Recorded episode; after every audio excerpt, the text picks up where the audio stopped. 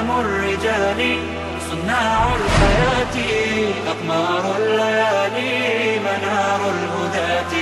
أعلام الرجال صناع الحياة أقمار الليالي منار الهداة. فزالوا سباتي وصاروا بذاتي نشيد الحياة. وصاروا بذاتي نشيد الحياة. تركنا الهوانا وعادت قوانا بعزم الأبات. وعادت قوانا بعزم الأبات. آه يا من تسامى وخلى المنام. جرى العمر يمضي ورا من سراما.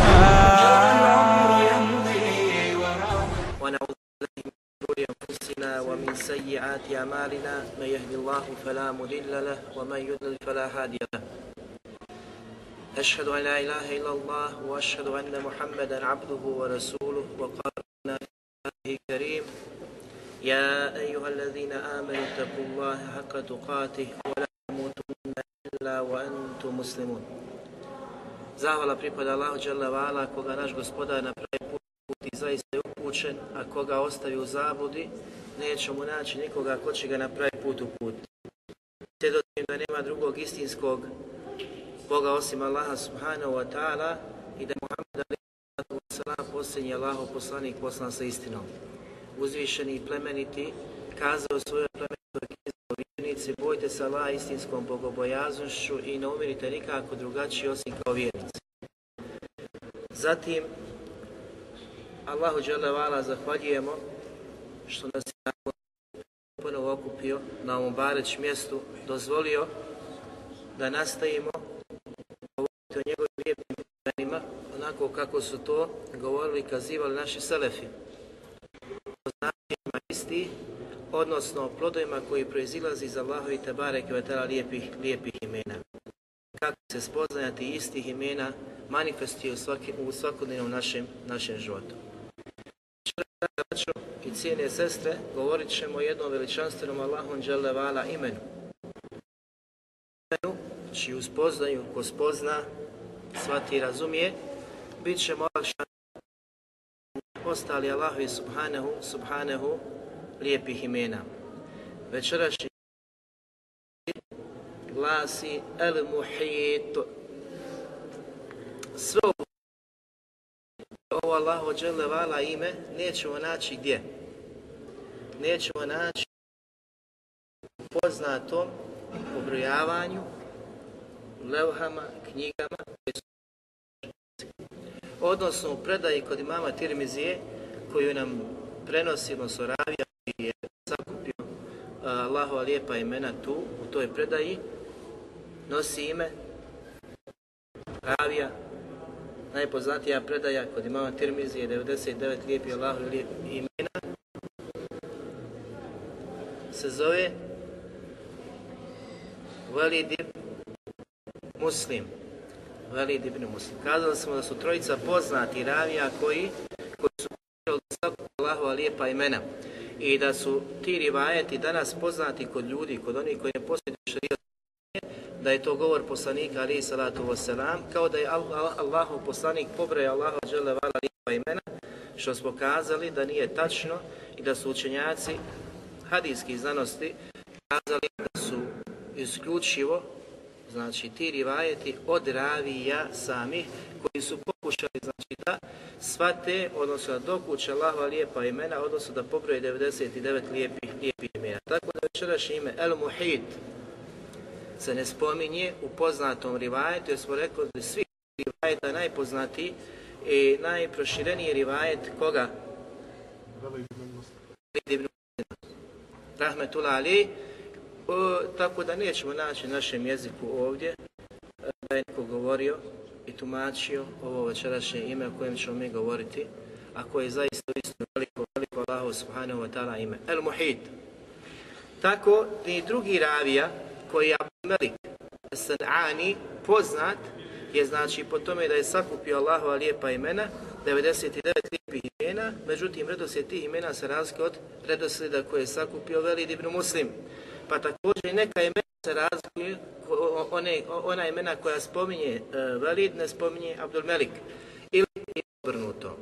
Dok treći ravija koji je poznat također po sakupljanju Allahovi Tebare Kevetala, imena Abdul Aziz El Husayn, Rahmetullah Ali, on spominje večeras ime koje mi, o kojem ćemo mi govoriti. Kažemo da su svi oni bili mučtehidi, svi su oni pokušali sakupiti i dokušiti koja su Allahova lijepa imena, koja su navedena, spomenuta u Kur'anu, a mada 99 broj koji je naveden u hadisu poslanika sallahu alijih wasallam nije konačni, konačni broj Allahovi lijepih imena i Allah džedavala posjeduje daleko više, daleko više od 99 lijepih imena koje je samo on tabareke, tabareke zna.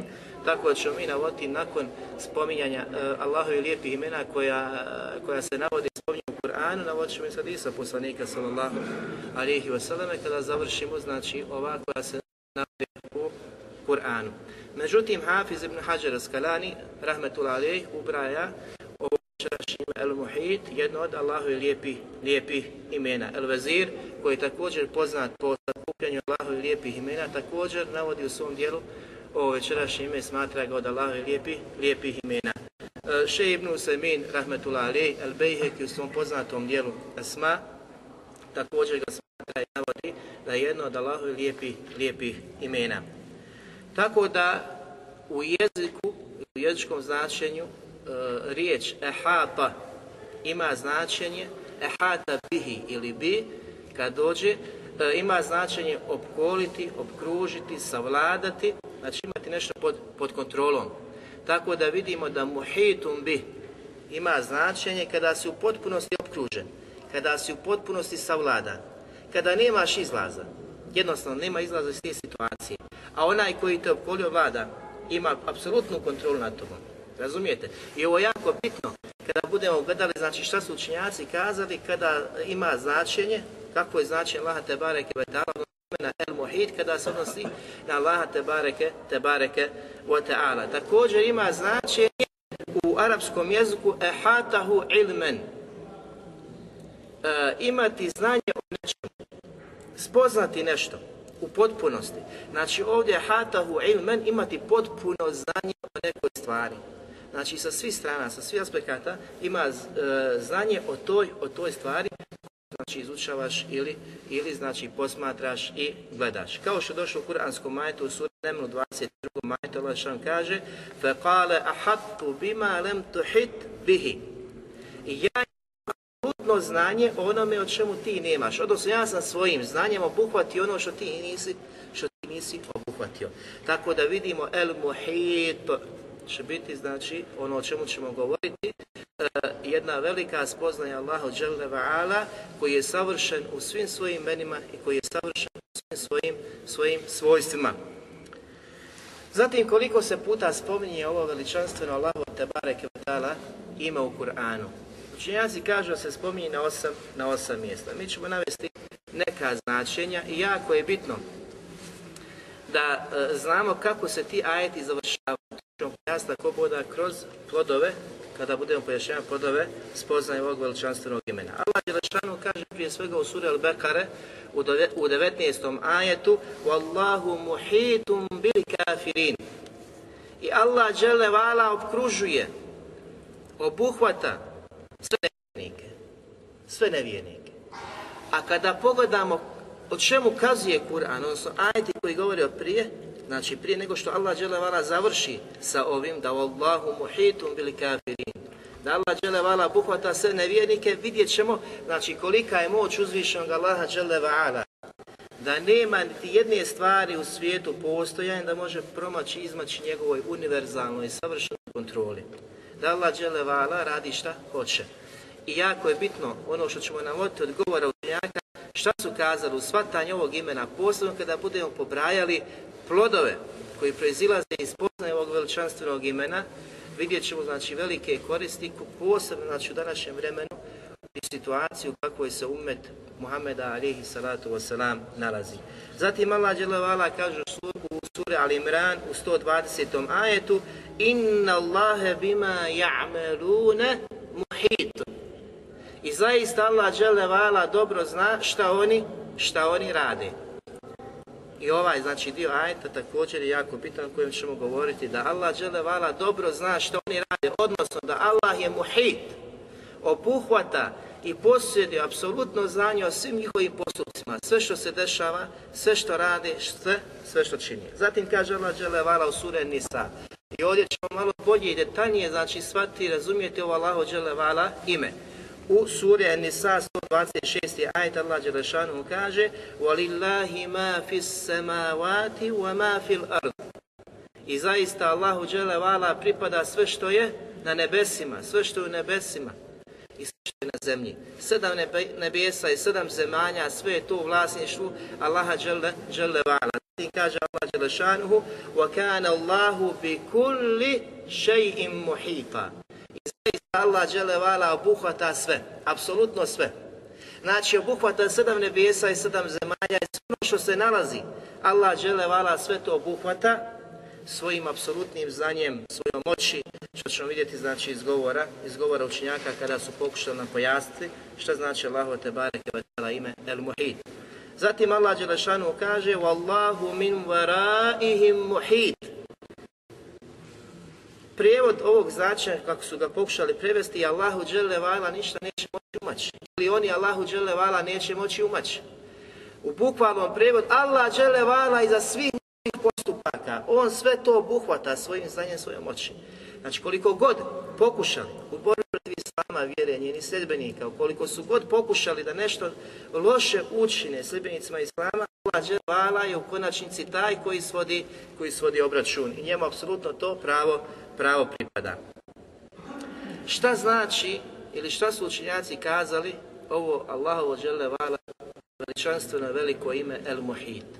Krenut ćemo znači od poznatog Mufessira Ibn Đarira Rahmetullah gdje kaže Inna Allahe bima ja'melune muhit i Allah ala e, sve dobro zna, apsolutno znanje ima onome što oni rade, odnosno sve njihove postupke on te bare kvetala obuhvata.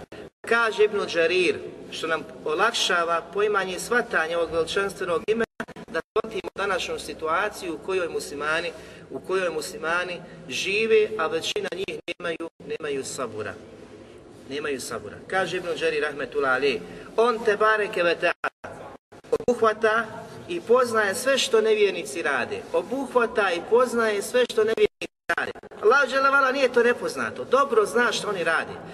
Toliko si znači ti danas vezan za situaciju koja se dešava negdje u svijetu, emotivno, teško ti, teško ti pada sve.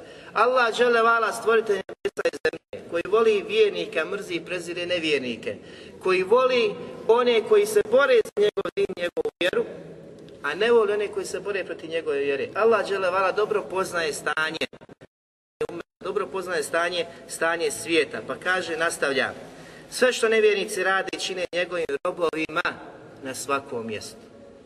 Znači, postoji mjesto na svijetu, a da se nešto loše ne dešava muslimanima, a da Allah dželle nema, nema znači apsolutno znanje o tom stanju i toj, i toj situaciji. A zamislite subhanahu, on je tebarek je el qadir, el qadir, el aziz, el džebbar. Razumijete, ta velika značaja koja smo govorili Allahu tebarek je koja posjeduje apsolutnu moć, sve mogući, da učini šta god hoće. Fa iza erade še'en innema yakulu lehu kun feyekun. Kada on samo nešto poželi za tu stvar, samo kaže kun feyekun. Budi i ono biva. Znači u jednom trenu, jednom trenu dešava se ono što Allah žele, žele hoće. Zatim kaže man taberi. Znači, na svakom mjestu, pa kaže, od nereda isprečavanja i odvraćanja njegovih robova od pravoga puta. Ne samo što se oni bore protiv njih, i što to čine muslimanima u cijelome svijetu, na svim mjestima, nego Allah vala dobro zna i one koji sprečavaju i odvraćaju vjernike, iskrene Allahove te bareke robove od pravoga puta. Koliko je danas takvi? Koji na razne načine, ili javno, ili znači negdje tamo, ušuškano, tako djeluju i tako žele znači da odvrate sebenike istine od, od istine. Allah vala sve to dobro prati. I zato kažu učenjaci, razmislite dobro o Allahom vala imenu El Muhit. U tih osam ajeta u kojima se spominje veličanstvo ime El Muhit, u svim gotovo ajetima, znači većina tih ajeta govori o prijetnji Allaha te bareke I sve te ajete sa prijetnjom Allah dželle dželaluhu završava sa imenom El Muhit. Da on se obuhvatni, da sve to dobro zna šta čine i šta rade, ali konačan sud pripada, pripada Allahu te bareke, te bareke vetala. Zatim kaže, poznaje i neprijateljstvo njihovo prema njegovim iskrenim robovima. Također, znači ono što prsa kriju i što ispoljavaju, znači bilo javno ili tajno, Allah dželle dželaluhu i to posjeduje za nje. Zna znači šta neprijatelji sama rade, kako spletkare, šta njihova prsa kriju. O svemu tome Allah dželle šanuhu ima apsolutno, apsolutno znanje. Pa zatim kaže i sve druge vidove griješenja. Allah Đelešanu sve to dobro poznaje. Sve što neprijatelji sama imaju pri sebi kod sebe, Allah subhanahu wa ta'ala to dobro, dobro poznaje. Zatim kaže, sve to uzvišeni Allah subhanahu wa ta'ala svojim znanjem obuhvata i sve to pomno čuva. Znači ne samo da Allah subhanahu wa ta'ala posjeduje znanje, da svojim znanjem sve to obuhvata, nego on to pomno čuva i ništa mu od toga ne promiče i na kraju će sve njih po tome što su učinili nagraditi. Ovdje za kako došlo kao nagrada, sve će ih nagraditi kako? Tako što će okusiti njegovu, njegovu kaznu za ono što su učinili ili po onome što su oni, što su oni radili. Znači sve to Allah dobro zna i sve će to biti sačuvano, zapisano u jasnoj knjizi šta su učinili, šta su radili, na kraju će biti predočeno. I na kraju, nakon svega toga će biti kažnjeni po tome, po tome što su radili. Zato Allah dželevala kaže Wallahu muhitum bili kafirin. U tom ajetu imam taberi kaže u komentaru toga ajeta sve će njih Allah džele dželaluhu sakupiti, a nakon toga će ih kazniti. Sve nevjernike. Allah je sveobuhvatniji. Obuhvaća sve postupke što čine nevjernici. Pa će ih na kraju sve sakupiti i nakon toga će i sve, sve kazniti za ono što su činili i što su radili na Dunjaluku. El-Hatabi rahmetullah ali kaže El-Muhit je onaj čija moć i znanje sve obuhvata, čija moć i znanje sve obuhvata sva njegova stvorenja, znači odnosi se na sva njegova stvorenja i on je taj koji poznaje broj svake stvari, poznaje znači broj svih njih, svega što je Allah dželeva, to još, pogledaj tog značenja.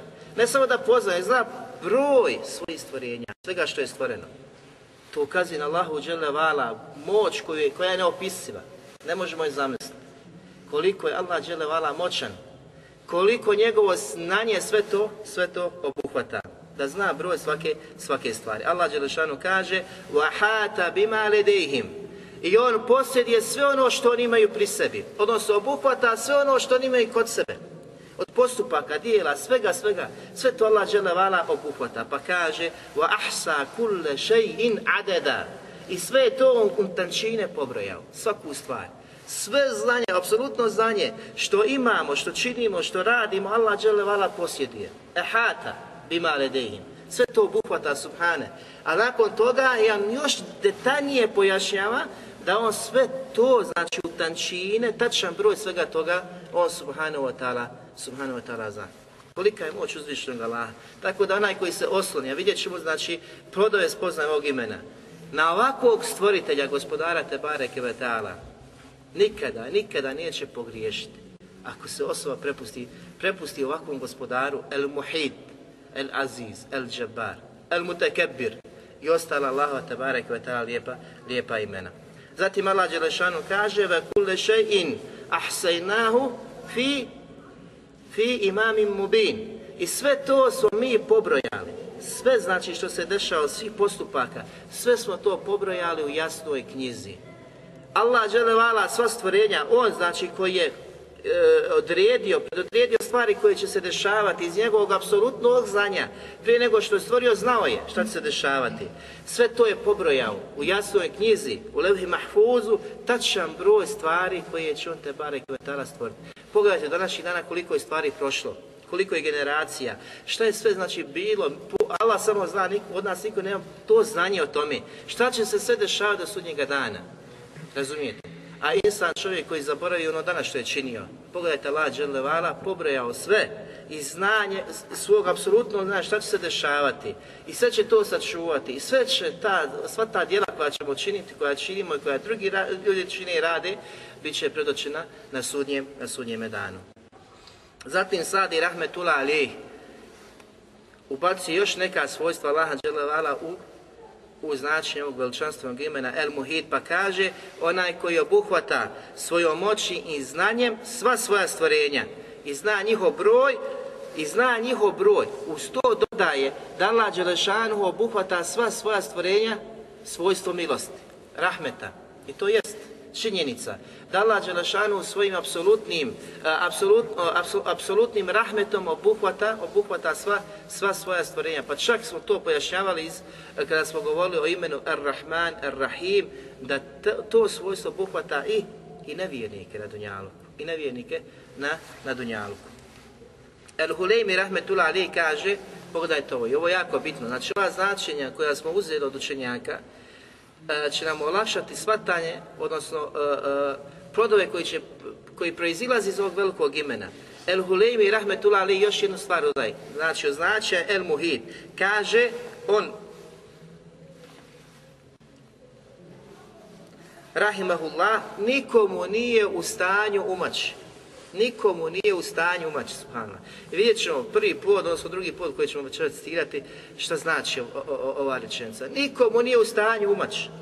El muhit, to ono jezičko na početku kada smo kazali muhitum bi, kada si opkruže, opkolje, nemaš, nemaš izlaza. Ne prijete sa svih strana, jel? Dok ovdje je gospodar Tebare Kevetala, veličanstveni, sa svojim moći, znanjem, kudretom, snagom, iznad svega, iznad svega, El Kahar, jedno veličanstvo ime o kojem, o kojem smo govorili. Zatim kaže, shodno tome, ovo svojstvo ne posjeduje niko osim ko? Osim on subhanahu wa ta'ala. Niko nije mogućnost da bude opisan ovako, ovim veličanstvenim imenom i svojstvom, kada smo od svakog imena proizilaze svojstva Allaha te bareke wa ta'ala. Znači ovako veličanstveno svojstvo niko nije u stanju posjedovati osim Allah, osim Allah te bareke, te bareke wa ta'ala. Pa kaže, ova savršena osobina se vraća na svojstvo savršena, znači nadopunjava na ono što su skazali prije njega učenjaci. Vraća se na svojstvo savršenog znanja i moći koje Allahu subhanahu, subhanahu wa ta'ala pripada. Ali u isto vrijeme negira sa ovim svojstvom, negira Allahu vala osobinu koju? Osobinu nemoći i zaborava. Pogledajte, znači kako potpunio govor oni prije učenjaka koji su kazali. Znači da Allah Đelšanu pobraja sve stvari, da nije zaboravan, da ne zaboravlja, da čuva ta djela. Znači negiramo Allahu Đelevala osobine majkavosti. Allahu Đelevala ne priliči da je zaboravan. Dok mi kao insani smo takvi da ne možemo biti znači savršeni osim sa ovom osobinom. Da smo ti koji zaboravljamo. Da smo ti koji zaboravljamo. Znači osobe koja, koja ne zaboravlja. Plodovi spoznaje veličanstvenog Allaha te bareke ve ta'ala imena. Prije svega, znači, ovo večerašnje ime koje spominjemo i koje navodimo, El Muhit, sveobuhvatni, e, učinjaci kažu da iz njega proizilazi ili da ovo ime sadrži dvije velike Allahove subhanahu wa ta'ala osobine, a to je osobina moći, snage, kudreta i osobina znanja. Jer Allah dželevala sveobuhvatni, obuhvata sve svojim savršenim znanjem i svojom, svojom moći. On te bareke ve ta'ala uz ovu osobinu ili ono što proizilazi kada se ove dvije osobine Allahu dželevala pripišu, a koje su potvrđene Kur'anom i sunnetom, potvrđuje se da Allah dželevala posjeduje savršen vid, savršen vid, savršen sluh, osobinu sluha, osobinu vida, da on te bareke ve ta'ala yudabbirul emr, da je on taj koji upravlja svim situacijama. Ne postoji situacija da on te bareke ve ta'ala ne upravlja tom situacijom. Ne promiče mu ništa. On te barek vetara el malikul mulk, el malik, apsolutni vlasnik svega. Sve je u njegovoj ruci, radi šta? Šta on te barek vetala hoće. Ne šta mi hoćemo, šta on subhanahu wa ta'ala hoće. Određuje šta on subhanahu wa ta'ala hoće. Dozvoljava da se dešava u svijetu ono što on subhanahu wa ta'ala hoće. I niko ne utiče na njegovu odredbu. Niko ne uče njegovu presudu. Njemu sve pripada. Apsolutno, znači sve njemu pripada. I sve to što se dešava, dešava se iz apsolutne Allahove te bareke ve ta'ala mudrosti, mudrosti. Da ne bi, znači, kazali ono što ćemo navesti što govore ljudi, koji nemaju imana ili koji su slabašnog, slabašnog imana. Drugi plod koji proizilazi iz poznaje Allahovog Tebare Kvetala imena El Muhit, da je on Tebare Kvetala sveobuhvatni svojom moći i znanjem, da sve obuhvaća, ništa ne, može izbjeći ni pobjeći njegovoj odredbi. Znači, ništa ne može umaći njegovoj odredbi. Niti možeš ti, niti ja, niti bilo ko pobjeći od onoga što on Tebare Kvetala kada odredio. Nikada, nikada, ni u jednoj situaciji. I zato pogledajte, znači, poznata dova poslanika alaih salatu wasalam, koji je, znači, preporučio svakom onome da, da izgovori prije, prije samog, znači, lijeganja u postelju, prije spavanja. Dio u toj, u toj dovi, kaže poslanik sallallahu alihi wasallame, la melđa wa la menđa minke illa ilejk. U prijevodu znači, nema spasa, niti utočišta od tebe, osim kod tebe. Nema utočišta, niti spasa, kod tebe osim, od, odnosno od tebe osim kod tebe. Razumijete? La melđa, la menđa, minke illa ilejk. Ovu dovu, ko shvati i ko razumije, vidjet će. Znači danas, pogledajte, danas kada se čovjek nečega plaše, toga bježi. Razumijete? Bježiš, lav, vidiš no šašat, nešto te srkuje s njim, da ga milkiš, jel, maziš i ostalo. Nećeš bježati.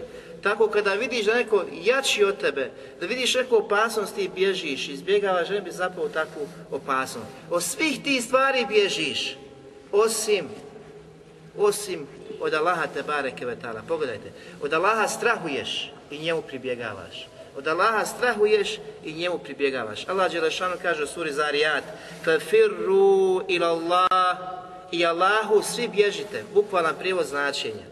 I svi su okrenuti Allahu, svi pribjegnite u okrilje Allahove te bareke vetara zaštite. A on kaže, ja ejuhaladina amenu takullah. O vjernici, bojte se Allaha. A isto tako kaže, firru ila Allah.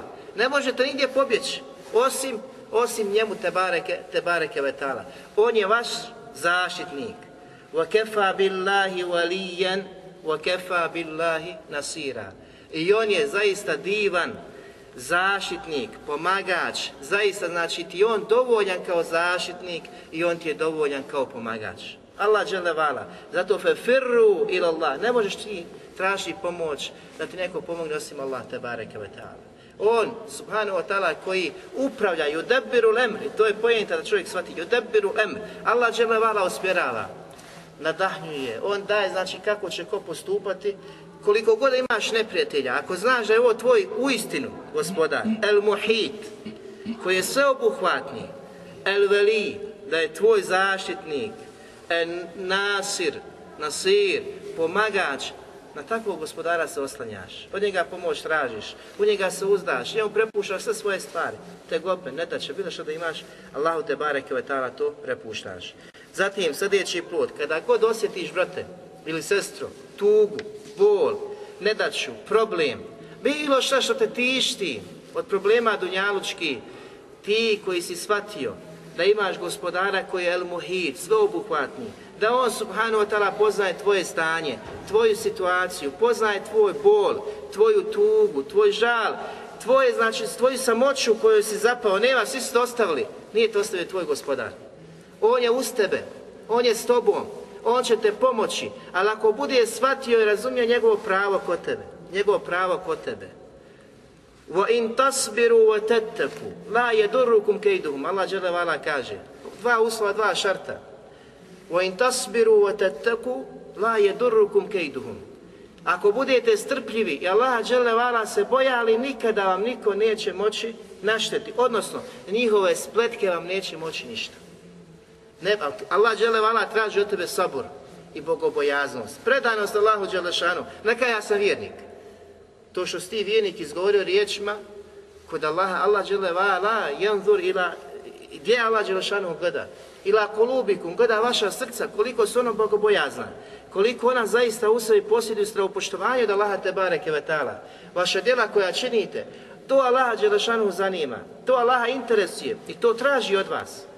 Onaj koji bude imao sabr, kad ga zadesi nedača, bol, tuga, samoća, bilo šta, protjerivanje, izgon, zatvor, hapšenje, e, tlačenje, bilo koji vi, znači, ti problema je nedača dunjalučki.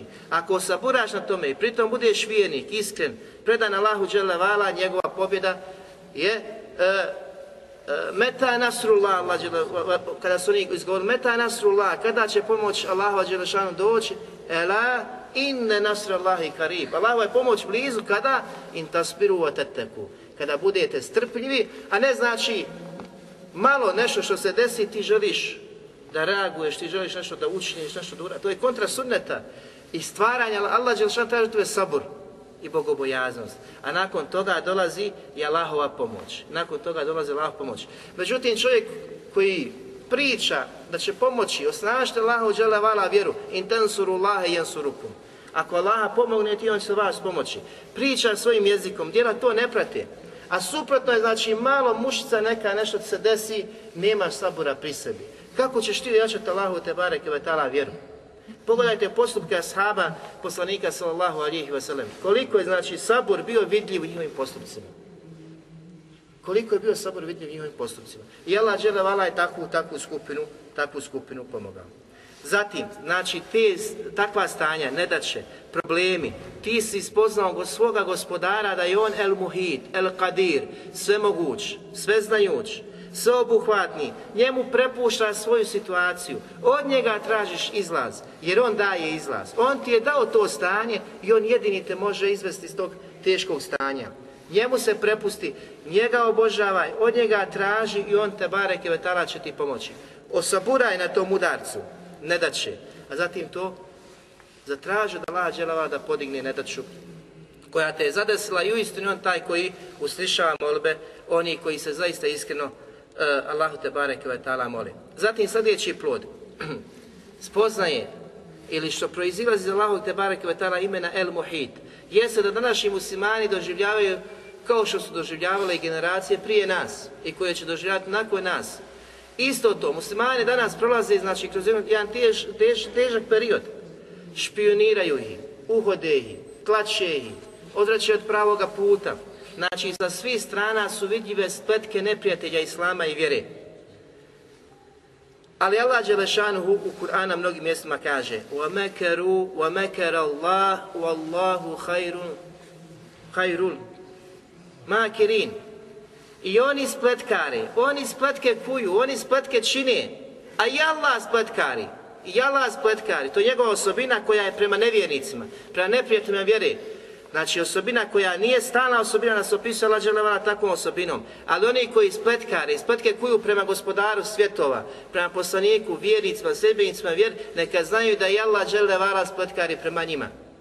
A ko najbolje to čini? Wallahu hayrul makirin. On je najbolji u tome. Niko ne može, znači, poput Allah dželle vala spletkariti, ako hoćete da spletkarite prema njemu, njegovom poslaniku, sallallahu alihi wasallam, njegove vjeri, njegovim sljedbenicima.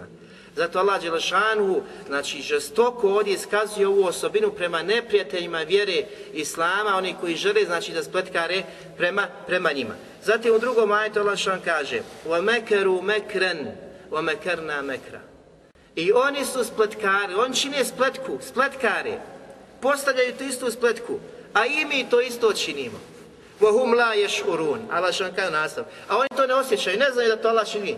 Misle da je Allah, zato su go pisali židovi i ostali, da on, znači, e, svojstvom zaborava, nemoći, umora, zamra, svi onim majkavim osobinama koje ne doliče gospodaru te bareke vatala. Vohum la ješurun. I oni ne osjećaju da Allah dželevala to njima uzrača. Kako oni to rade prema sebenicima, Allah dželevala prema, prema njima to isto radi. I zato kaže Wallahu muhitum bili kafirin. A Allah obuhvaća sve postupke nevjernika. Sve ono što oni čine, Allah dželešanuhu zna, zna znači da oni to, da oni to rade.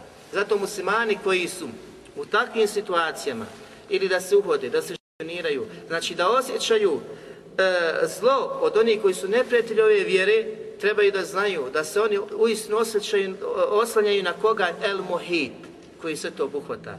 Koliko oni god spletke iznosili, kovali prema nama, Allah dželevala, isto to čini, isto to čini, isto to čini prema, prema njima. Zatim sljedeća spoznaja, da spoznaja samog imena El Muhit i značenja, da ono znači obuhvata sve obuhvatni, ulijeva nadu i sigurnost u naša srca.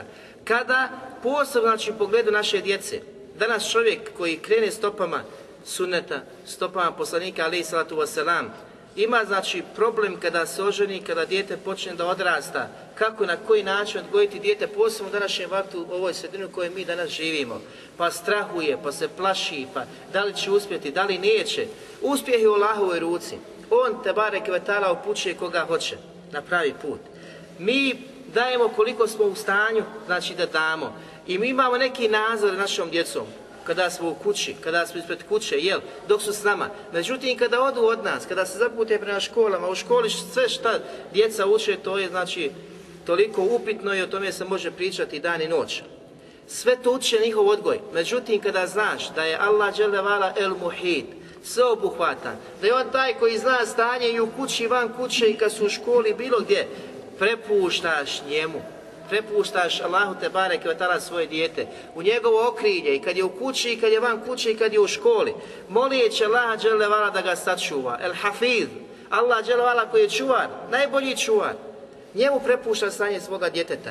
Odgoj svoga djeteta također dobom osloncem na Allaha te bareke koji zna stanje i tamo koji zna stanje i u kući Razumijete? I to ulijeva tu sigurnost i nadu u tvoje srce da će sutra dijete biti na pravom putu. Ti daj o sebi koliko su mogućnosti, a ostalo prepusti, prepusti Allahu te bareke vetala koji je čuvar. I dovi, dovi jer Allah Đelešanu može i u stanju sačuvati tvoje dijete.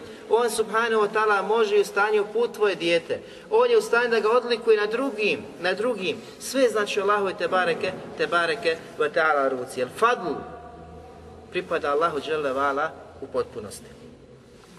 Zatim isto ovo ime, El Muhit, znači sljedeći plod, jeste da nam daje postrek u činjenju dobra, u činjenju dobra, El Muhit. Zatim daje nam postrek u našim srcima da se oslanjamo što bolje i što laše na Allaha subhanahu wa ta'ala. Kako? Zato što znamo da On te bare kvatala je sveobuhvatni. I to nam ulijeva nadu, odnosno jača nas i snaži da se što više prepustimo u svim našim stanjima na takvog gospodara te bareke, te bareke vetala. Pogledajte što je uzvišen kazao za svoga poslanika.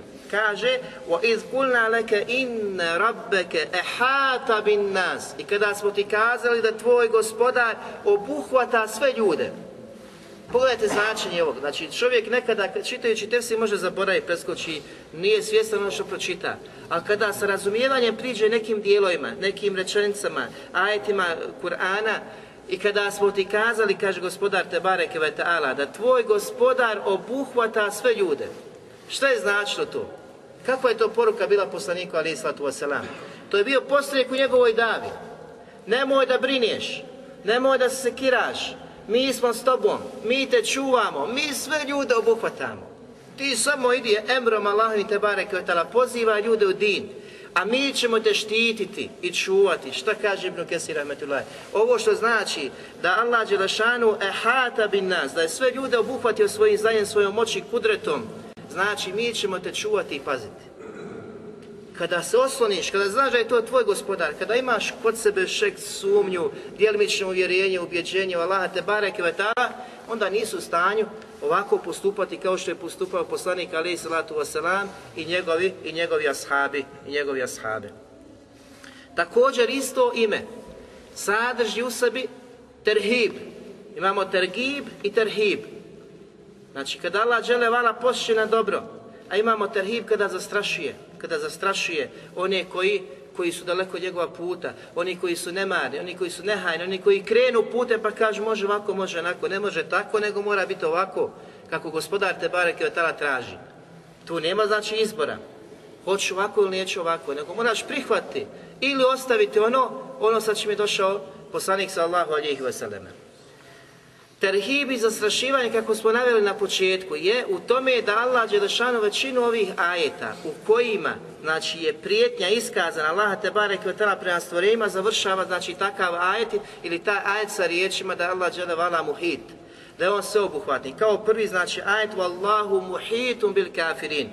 I Allah sve nevjernike obuhvata što smo kazali da ima Taberi kaže da ima znači da će sve sakupiti i sve njih kazniti, sve nevjernike će sakupiti sve njih kazniti. Ili isti ajet koji smo naveli, wa izkulna leke inna rabbeke ehata bi nas. I kada smo ti kazali da tvoj gospodar sve ljude obuhvata, ehata, ehata bi nas, sve ljude obuhvata također, ovaj ajd sadrži terhib, zastrašivanje, za oni koji pokušaju možda, misli da mogu Allaha prevrti, njegova poslanika, vjernike, da mogu uspotkariti prema nevjernicima, neka znaju da Allah dželevala sve njih obuhvata, sve njih, znači, e, apsolutno znanje o njima ima i njegova moć iznad svih njih, njegov kudret je svega iznad svih njih, i on je udabirul emr, i on određuje stvari, on radi što on te barek vetala hoće. I niko se ne može znači uplesti u Allahu te bareke vetala odredbu ili kazati bit će ovako kako ja mislim. Neće biti kako ti misliš, nego onako kako Allah te bareke,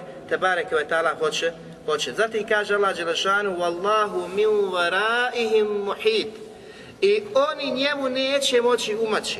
Allah Đelevala je u konačnici taj koji će svoditi račun. Oni mu neće moći umaći. Znači svi ovi koji spotkare, svi oni koji se bore protiv dina vjere, Allaha dželevala, poslanika, vjernika, koji hoće vjernicima nanijeti nešto znači što čim nisu zadovoljni vjernici, neka znaju da Allahu dželevala neće moći umaći.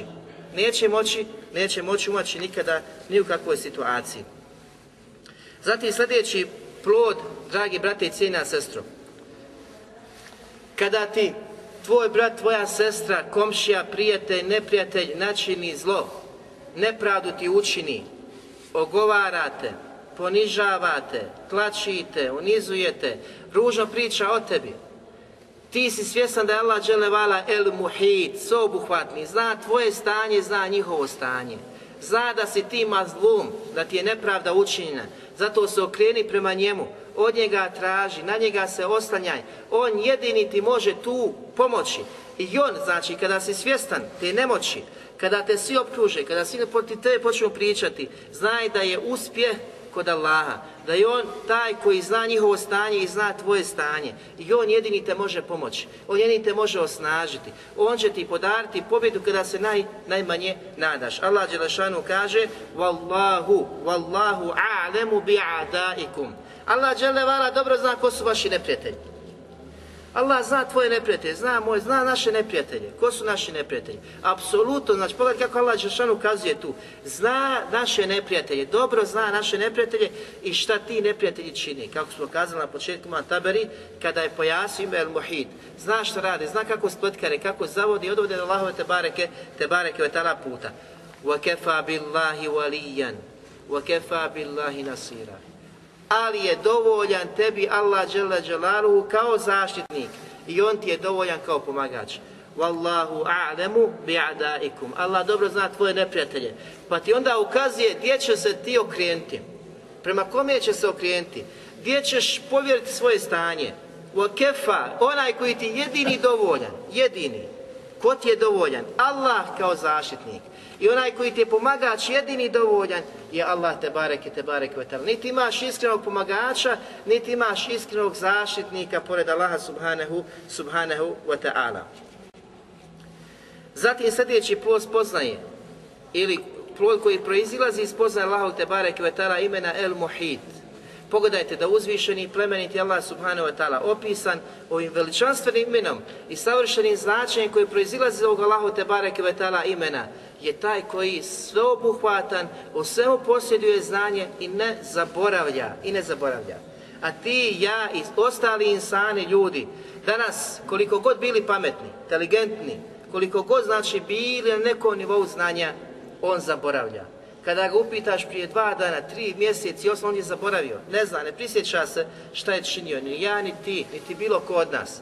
A Allah dželevala, koji je savršen svojim uh, savršenim osobinama, dobro zna šta činimo. Zatim te ista, ta ista djela dobro čuva, pomno čuva. Zatim će sva ta djela pokazati, iskazati koja su pobrojanja u njegovom znanju. Zna njihov broj, utančine, svake stvari.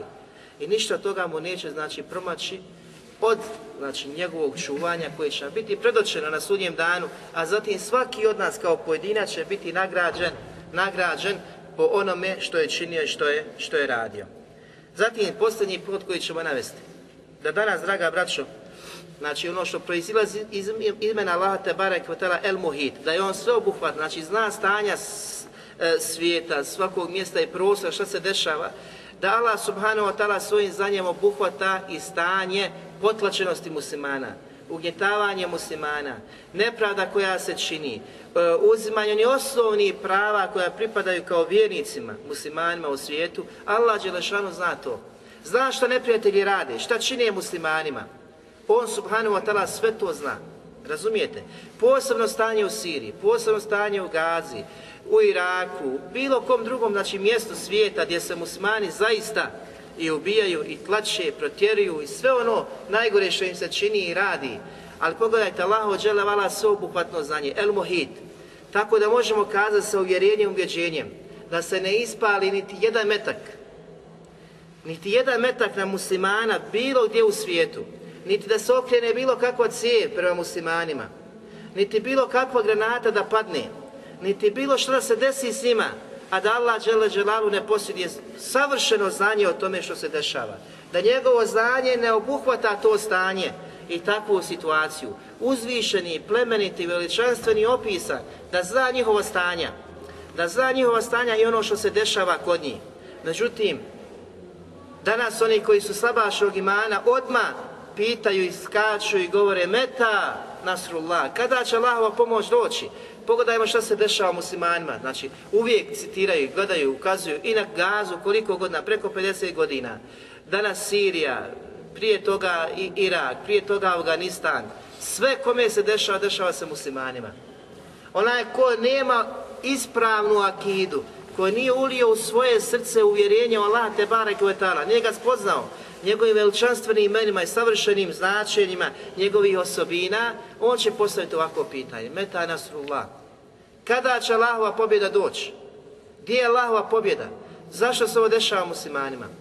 A mi postavljamo pitanje šta mi kao muslimani činimo, šta mi kao muslimani radimo?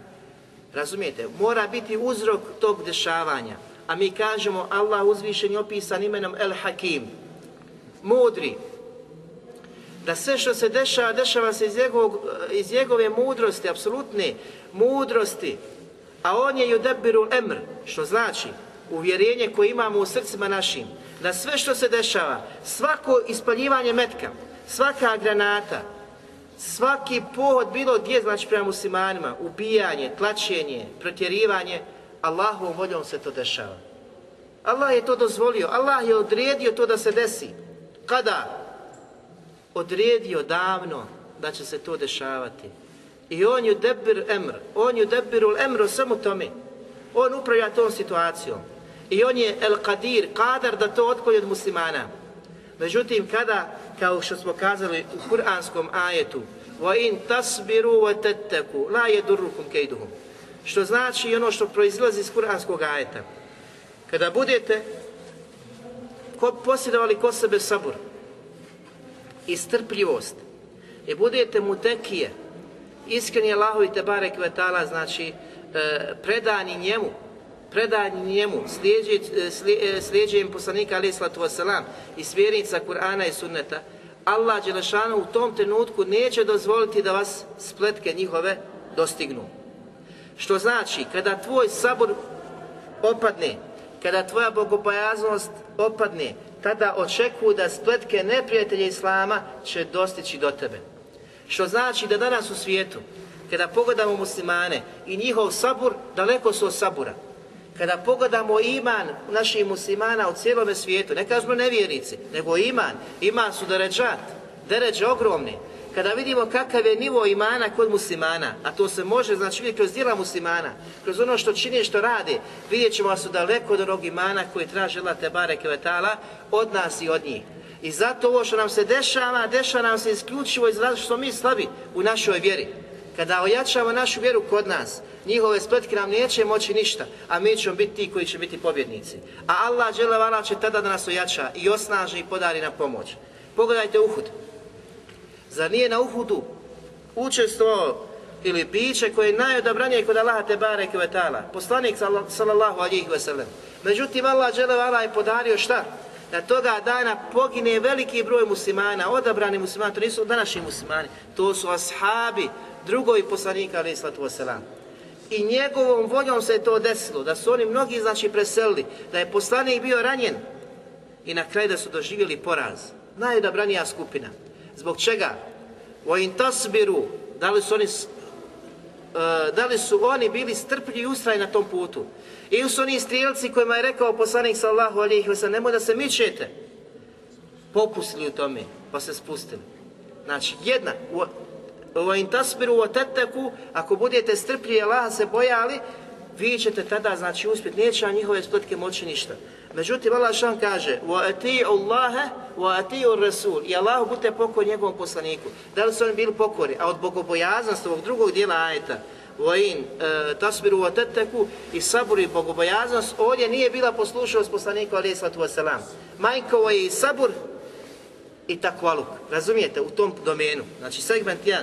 Pa je Allah Đelešanu podario poraz muslimanima tog dana. Što je danas sa Muslimanima? To su bila shaj prve generacije, ne mogu se dostići niti nikad, nikad.